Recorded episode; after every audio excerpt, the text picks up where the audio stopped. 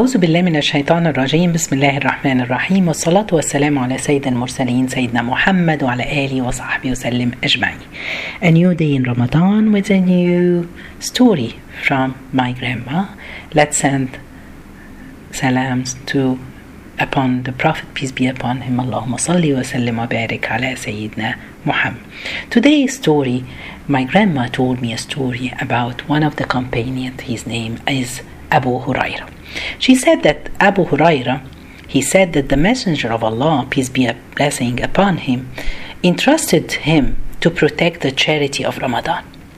Someone came at night to him and began taking from the food.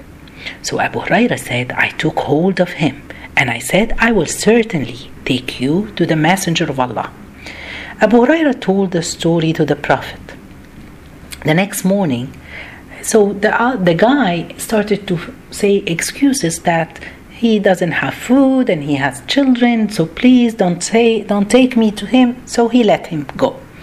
Then in the morning when he went to the mosque the prophet peace be upon him asked him what did he do your guest of last night?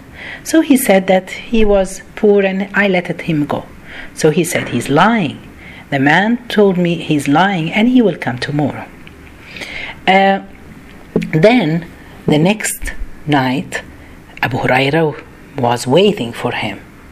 Then the guy came and he was trying to take food again. So he told him, I'll take you today to the Prophet, peace be. I'm not to let you go. But then he started to find saying, I'm sorry, I have my kids and I'm hungry and I'm poor. So he felt sorry for him, Abu Huraira, and he left. The next morning, the Prophet asked Abu Huraira, What did the, guy, the guest do with you? He said he said something. So he said he's lying to you and he will come back again. So the third night, Abu Huraira was waiting for him and he said, I'm not going to let him go. Then the man came and he tried to take the food. So Abu Huraira told him, This time I'm going to take to the Prophet. So the man told him, When he told him, I'll tell you something, I'll give you an advice, and that will protect you. The man told him, when you go to bed, you should recite the verse of the throne or Ayat al Kursi. Allah would appoint a protector with you, and no devil would come nearer to you until the morning. So in the morning, he went to the Prophet and he told him that he told him, he came and he said, So, so the Prophet said, He told you the truth regarding the Ayat al Kursi. Although he is a liar, that was the shaitan. You were talking to him for the last three days. Subhanallah. Uh, um, this is the story of Ayat al Kursi. Ayat al Kursi. Ayat al Kursi is in the uh, Surah Al Baqarah, verse 255. Subhanallah, Ayat al Kursi, when the Prophet, peace be upon him, he described it, that is the best Uh, is the excellent surah in the Quran. We should know why.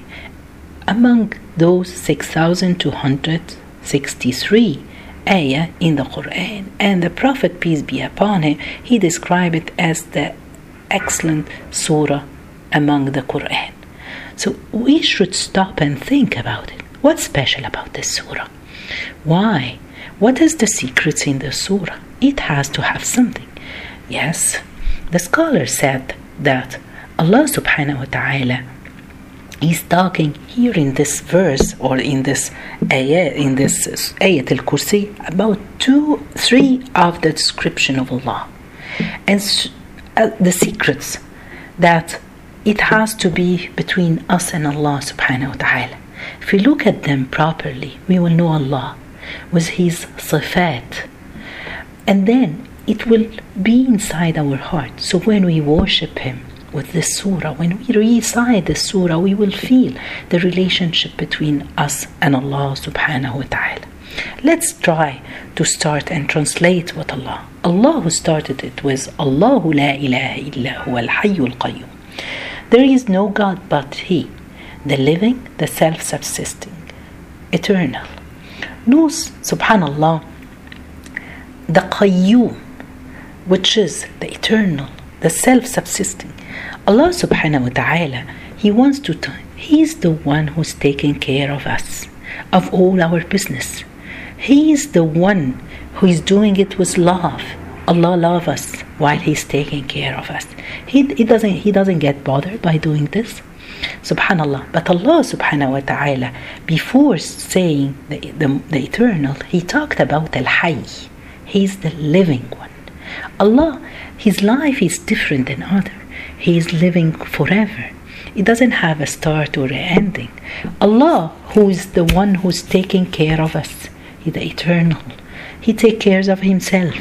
And He doesn't need the help from anyone around Him. Allah is different. He is the one Qayyum. He is the one, He's taking care of our project, provision, our rizq He is taking care of anything that we need, the support we need. Allah never forgive, forget anyone from His creation. Allahul Hayyul Qayyum. We have to be calm. We have to rely on Him. Then Allah subhanahu wa ta'ala said, لا تأخذه سنة ولا نوم. No slumber can seize him, nor sleep.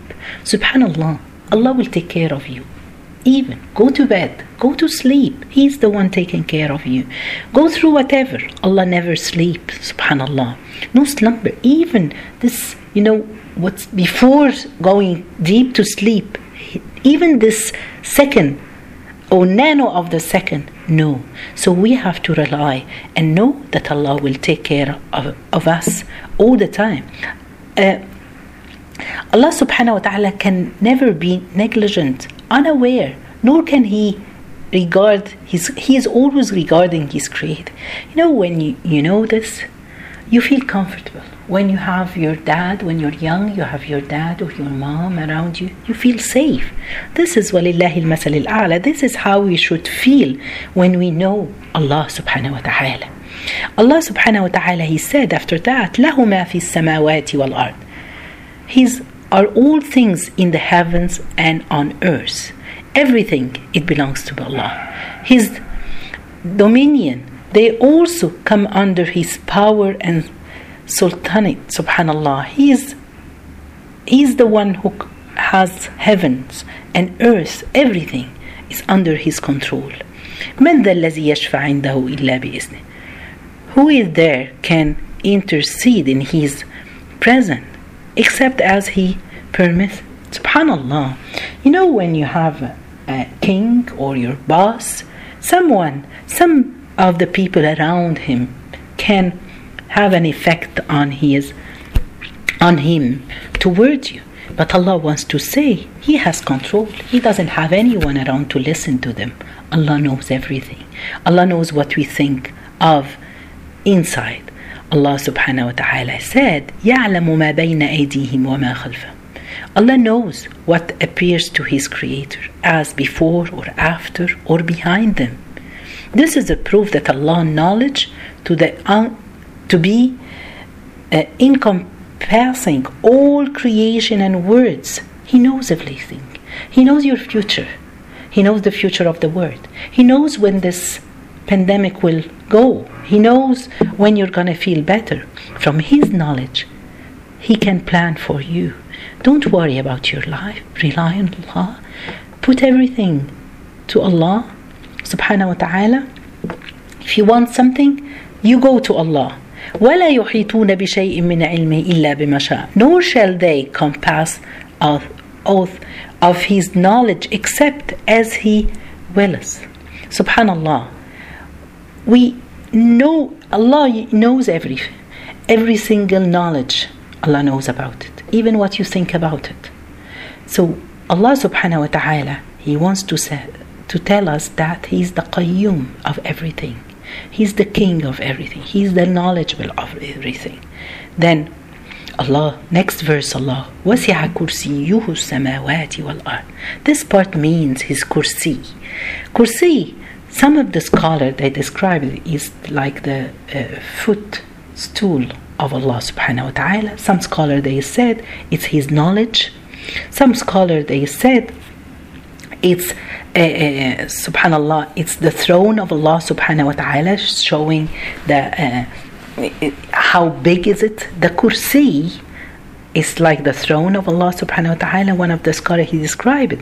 Compared his throne the, the earth and heaven, it's like you know a, a, a ring. You throw it in the middle of the desert. So earth and heaven it's like a ring when compared to the throne of Allah subhanahu wa ta'ala. This is how. Then the next one, لا يؤوده حفظهما. And Allah subhanahu wa ta'ala, He's managing, preserving and managing whatever is in heavens and words. Kursi and those who are inside Kursi, subhanAllah, all this doesn't cause any tiredness to Allah. وهو العلي العظيم. Allah subhanahu wa ta'ala, He's the most high and supreme. So this is the meaning of Ayat al-Kursi. That's why it's the excellent verse in the Quran. It's the best one, subhanallah. So what we have to do, understand it. When you pray, feel every single word that you're saying, you're reciting. Allah is in control of everything in our life. Don't worry about your past, don't worry about things that worry you. Rely on Allah and depend on Allah. And that's why the Prophet, peace be upon him, he said, read it before you go to bed. Allah will protect you, and the shaitan can come to you while you're sleeping or to your home. Teach it to your kids, guys. Allah will protect you till you wake up in the morning. Say it with the adhkar of the morning after the Fajr and the Adhkar of the night. Eh, SubhanAllah, say it, recite it after the prayers, each praise. May Allah subhanahu wa ta'ala protect us. May Allah subhanahu wa ta'ala give us guidance. جزاكم الله خير سبحانك اللهم وبحمدك أشهد أن لا إله إلا أنت استغفرك وأتوب إليك